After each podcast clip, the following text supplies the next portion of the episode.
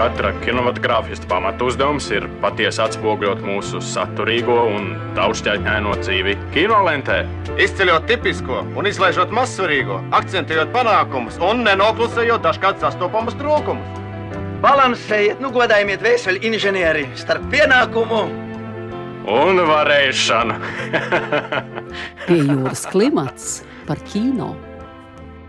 Labdien, mīļie radio klausītāji! Esiet sveicināti pirmajā 2020. gada raidījumā Pie jūras klimats. Jaunā kino gada sākumā atskatīsimies uz vienu no iepriekšējā gada nogales gaidītākajām filmām un Broadway leģendu - mūziklu Kaķi. Režisora Toma Hūpera versija par klasisko un nenoliedzami kičīgo Andrew Lloyd Webber mūziklu izraisīja lielu ažiotāžu jau brīdī, kad iznāca tās pirmais reklāmas rullītes. Pēc kāda laika tika izlaista jauna versija, kurā bija redzama jau uzlabota datora grafika, bet gala rezultāts nebija pietiekami pārliecinošs, jo, kā norādīja sarkastiskākie kritiķi, vaina jau nebija datora grafikā. Pēc kaķa pirmizrādes 16. decembrī bija lasāmas ziņas, ka kinoteātros tiek nomainīts izrādīšanas fails, jo režisors nav bijis gan apmierināts ar gala rezultātu. Par spīti dažādajām tehniskajām ķibelēm mūzikla kaķa ekranizācija bija ļoti gaidīts notikums, un Universal Pictures studija noteikti bija pārliecināta, ka filmas popularitāte un kas ieņēmumi neliks vilties. Taču, spriežot pēc pirmās nedēļas nogales ieņēmumiem, situācija nešķiet tik rožaina. Vietējie ienākumi bija aptuveni 6,5 miljonu dolāru. Salīdzinājumam 16. decembrī iznāca vēl viens ilgi gaidīts kases grāvējs - jaunākā zvaigžņu karu sērija Skywalker atzimšana, kuras ieņēmumi pirmajā nedēļas nogalē bija aptuveni 176 miljoni dolāru. Lai arī šobrīd kaķi pasaules tirgu ir savākuši jau 16 miljonus dolāru, jāņem vērā, ka filmas budžets bija gandrīz 100 miljoni. Par mūzikla kaķu vēsturi un par iemesliem, kāpēc Toma Hūpera ekranizācija neuzrunāja skatītājus, stāstīs šodienas raidījumā pie jūras klimats par kino. Andriju Lloyda Vēbera mūzikls, kura pamatā ir Tomasa Stērnza Eliota dzējoļu cikls bērniem vecā opusuma patieso kaķu grāmata, savu pirmizrādi piedzīvoja Londonā 1981. gada maijā. Sākotnēji nekas neliecināja, ka šis varētu kļūt par vispasaules fenomenu. Komponistam pat nācās ieķīlāt savu māju, lai varētu pabeigt darbu pie kaķiem. Taču Lloyds Vēbers nepadevās. Kā režisors tika piesaistīts Trevors Nans, kurš bija arī Karaliskās Šekspīra kompānijas mākslinieckais vadītājs. Nans ir arī pielicis savu pirkstu pie mūzikla pazīstamākā hīta memorija vārdiem. Turklāt dziesmas izpildītājas Kaķens Grizabēlas lomā bija paredzēta slavenā britu aktrise Džudija Denča. Diemžēl neilgi pirms pirmizrādes Denča sarāva ahilē cīpslu un viņu nācās nomainīt ar Elēnu Peidžu. Gan Vēbers, gan producenti bija ar mieru izrādāt celtu, bet režisors Trevors Nāns viņos neklausījās. Un pat par spīti tam, ka pirmizrādes dienā tika saņemts zvans par it kā teātrī ievietotu spridzekli, pirmizrāde notika un drīz vien bija skaidrs, ka ir dzims īsts hīts. Jau nākamajā, 1982. gadā, Kaķi piedzīvoja savu Ņujorkas pirmizrādi Brodvejā. Tiesa slavenais Brodvejas teātra producents Hels Prince atceras, kā pirmoreiz noklausījies Lloyda Vēbera mūziklu materiālu. Es ar ziņkāru palūkojos uz viņu un sacīju, Andrew, es nesaprotu, vai šis ir par angļu politiku, vai tie kaķi ir karaliene Viktorija, Gledstones un Dizrēlī. Viņš paskatījās uz mani tā, it kā es būtu zaudējis prātu, un pēc ļoti ilgas pauzes atbildēja: Hel, šis ir vienkārši par kaķiem. Ņujorkas pirmizrāde apmeklēja tādas slavenības kā Bārbara Voters un Mihails Barišņikovs, un pat par spīti duālajām kritiķa atsauksmēm, tieši mutveida atsauksmes padarīja kaķus par tādu hītu. Šobrīd kaķi joprojām ir ceturtā visilgāk spēlētā Brodvejas izrāde pēc operas spoka, 1996. gadā atjaunotās Čikāgas versijas un Karaļa lauvas. Mūzikls ir saņēmis gan Lorenz Olivier, gan Tonija Balvu kā labākais mūzikls, un Londonas iestudējums tika rādīts 21 gadu, bet Brodvejas 18. Intervijās ar oriģinālā Brodvejas iestudējuma aktieriem ir lasām apbrīna par šo dīvaino projektu, kurā visi ar sajūsmu iesaistījās, taču līdz galam nesaprata šī fenomena apmērus. Turklāt mēģinājuma procesa apraksts ļoti līdzinās tam, ko piedzīvoja aktieri, kur piedalījās Tom Hooper ekranizācijā. Viena no intriģējošākajām lietām šīs filmas sakarā bija tā saucamā kaķu skola. Kas tieši bija šī kaķu skola, jums pastāstīs dziedātāja un kaķu aktrise Taylor Swifta. Okay, kaķu skola bija kas tāds, kurā tu varēji mācīties tik daudz vai tik maz, cik tu vēlējies. Tātad tas bija atkarīgs no tā, ko tu vēlējies darīt. Tāpēc es kaķu skolā biju ļoti daudz. Man tur ļoti patika. Pamatā tas bija, tu rāpo pa zemi, tu pēti kaķu video un bildes, tu mācies par kaķu anatomiju, to impulsiem un instinktiem, kā tie sajūt lietas, kā tie kustās, kā tie staigā un tā tālāk. Jo mums teica, Jūs nebūsiet kaķi, kas staigā četrāpus, un jūs nebūsiet arī cilvēki, kas visu laiku stāv uz divām kājām. Ko tev, Frančiska Heivorda, bija jāiemācās pirmajai, un arī visvairāk, jo tu esi galvenās lomas atveidotāja. Tieši šo fiziskumu.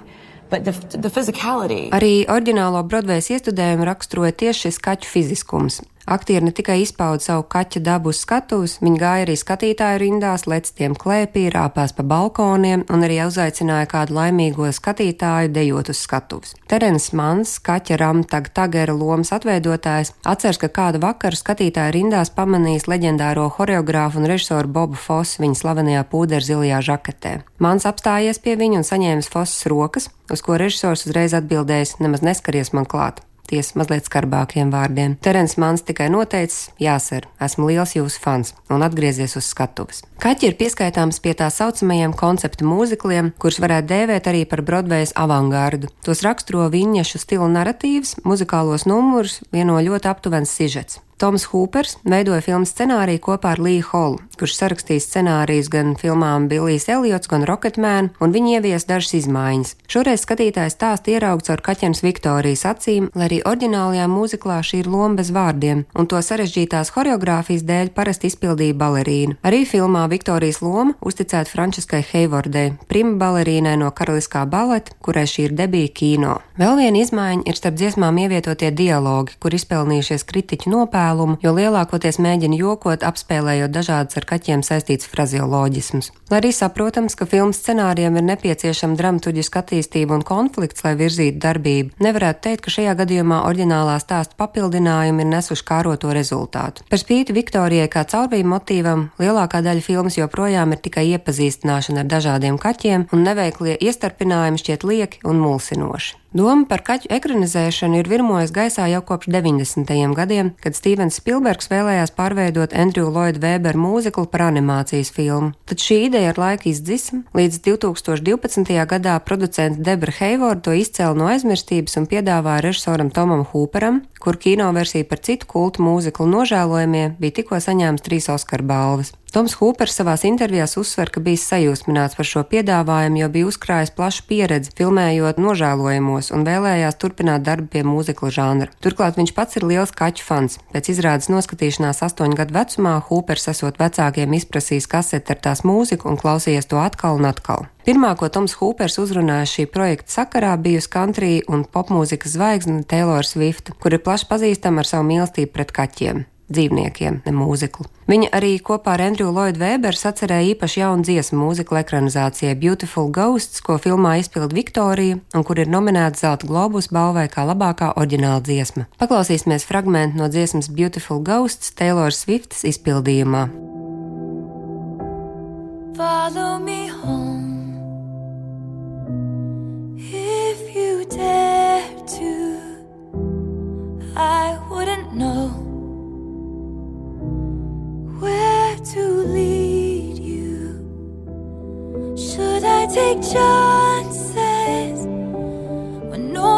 took chances on me? So I watch from the dark, wait for my life to start with no beauty in my memory. All that I wanted was to be wanted. Too young to wander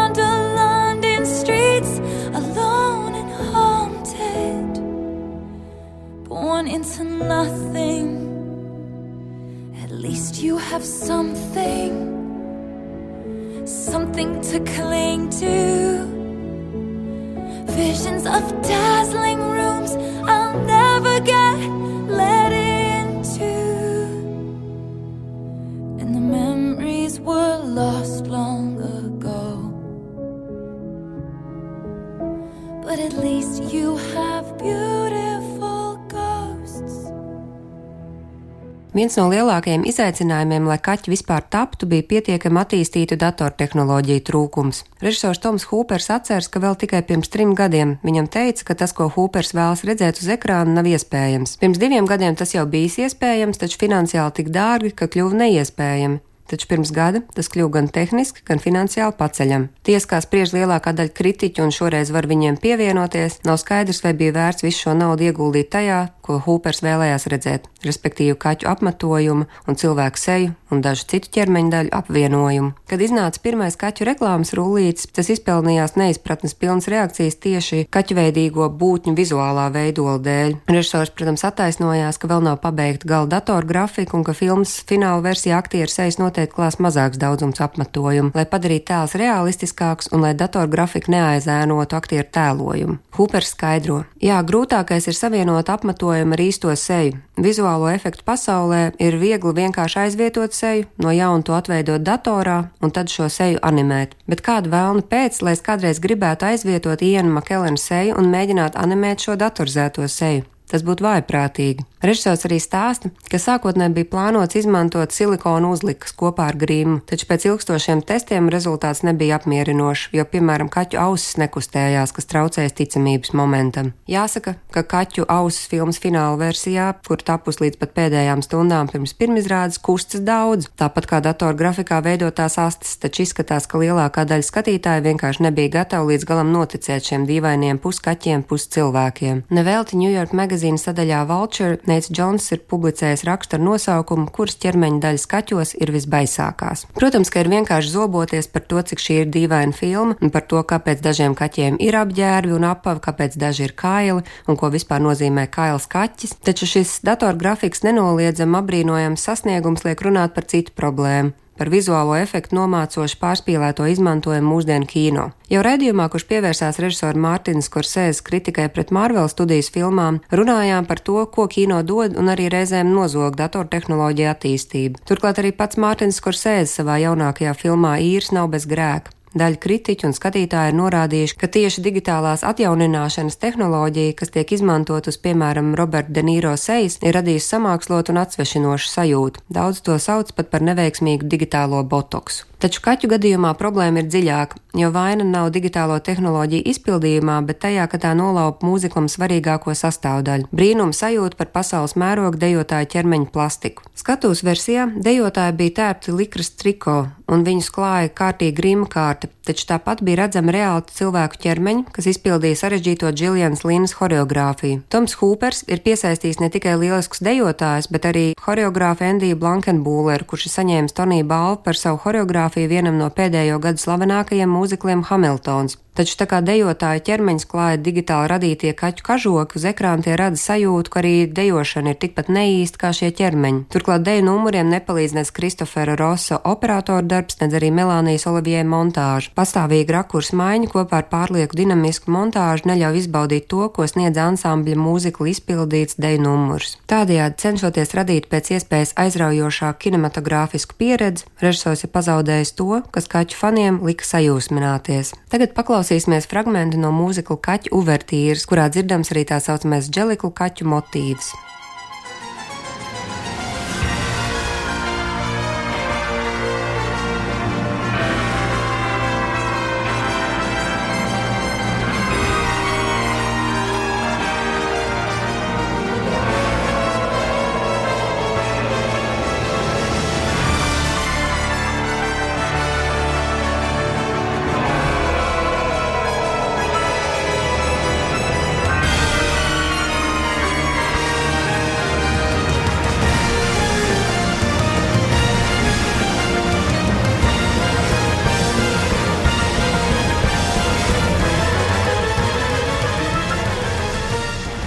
Tomu Hūpera iepriekšējā mūzikla ekranizācija nožēlojumie izmantoja salīdzinoši novatorisku pieejamu mūzikla filmēšanas procesā. Visi aktieri dziesmas izpildīja dzīvējā. Arī kaķos tiek izmantots dzīvais vokāls, kas nozīmē, ka pat tad, kad aktieri nebija redzami kadrā, viņiem nācās dziedāt. Šāds paņēmiens viennozīmīgi pastiprina klātbūtnes sajūtu, kas ir galvenais skatuves versija vilinājums. Tāpat laikā, līdzīgi kā filmas nožēlojamie gadījumā, tas arī skaidri izgaismo dažu izpildītāju vokālos trūkums. Šoreiz tie, kuriem ir paveicies vismazāk, ir aktrise Rebela Vilsona un britu komiķis un aktieris Džeims Kordens. Jāpiemina, ka internetā lasām ziņas, ka Kordens pametis pirmizrādes seansu un pēc tam teica, ka nesot filmu redzējis, bet esot dzirdējis, ka ir briesmīgi. Mūzikla kaķa slavenākā dziesma viennozīmīgi ir Memory, kur izpilda Grizabela. Šo dziesmu ir izpildījuši tāds Broadway zvaigznes kā Betija Baklija, Lilija Savaita, kā arī Bārbara Streizanda. Toma Hūpera ekranizācijā šī loma ir uzticēta Oskara balvas laureātei Dženiferai Hudsonai, un pēc skarbākās kritikas uzsver, ka aktrises emocionālā dziesmas versija ir viens no filmas glābējiem. Pati Dženifera Hudsona atceras, ka filmēšanas process bijis fiziski un emocionāli izaicinošs. Es dziedāju memoriju 35 vai 36 reizes divas dienas pēc kārtas. Vienā brīdī, jo tas bija tik emocionāli, es filmēšanas starp starplaikā iemigu un pamodos, ieraugot Tomu Hooperu, kas stāvēja un no augšas uz mani skatījās, un es vienkārši atkal sāku dziedāt. Tagad paklausīsimies fragment no Dženifers Hudsonas izpildītās dziesmas Memory. Memory.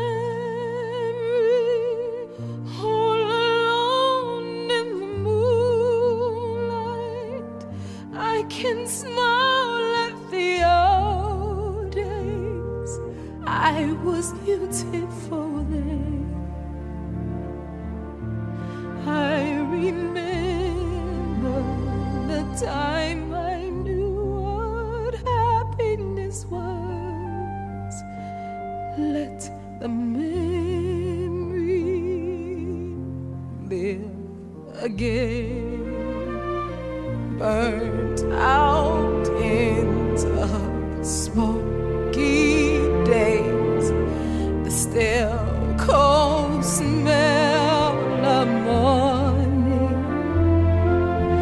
street.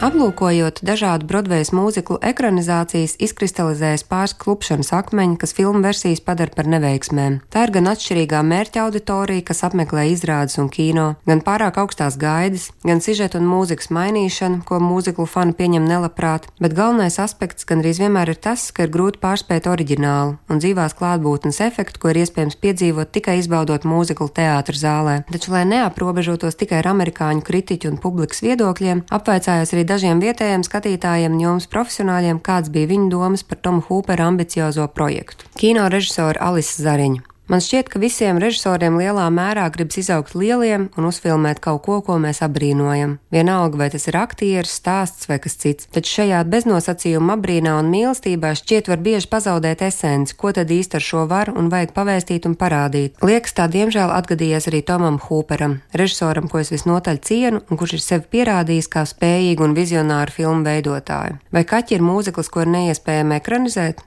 Var jau būt, taču tas šādā veidā pārnest uz ekrānu zaudē savas labākās kvalitātes. Kontaktu ar publiku, spēcīgi izpildīts daudznozīmju dziesmas, kā arī to krāšņumu, kas mēdz piemest iemīļotiem mūzikliem. Šķiet cieņā un apbrīnā pret oriģinālu kaut kur pazudusi gan ironija, gan pašironija, vienīgais, kas šo filmu spētu glābt. Tagad viss, kas nonācis pie skatītājiem, ir specifekti, patos un ļoti paredzams un garlaikojošs sižets, un skatītāju nomodā notur vien mēģinājums noticēt, ka šis viss ir domāts nopietni. Pat ģeniālā Džūdija Denča ietērpt kažoku kādā virs kaķa kažoka, kur mēģina cēlus tiept pakaļķepu pār galvu aktrise Anse Strasda. Es esmu redzējis šī mūzikla teātra ierakstu. Tas ir tiešām jauks un nerodas ne mazāko jautājumu, bet skatoties it kā to pašu šajā kino versijā, mazliet degārā acis un nevar saprast, kā var kaut ko tik jocīgā veidā perversu un tizlu vispār izdarīt. Tā kombinācija bija tikpat baisa, cik baisa ir piena sakņu zupa ar piena plēvi. Ir dažas lietas, ko vienkārši nevajag kombinēt.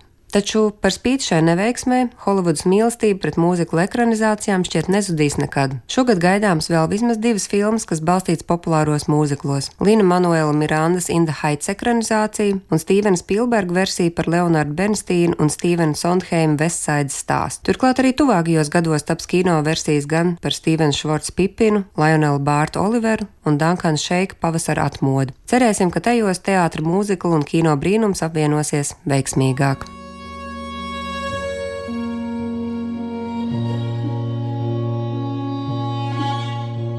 Raidījumu veidoja Martelīna Martinsona, montēja Andri Černievska. Raidījumu piejūras klimats producente Inga Saksona. Raidījums tapis ar valsts kultūra kapitāla fonda finansiālu atbalstu.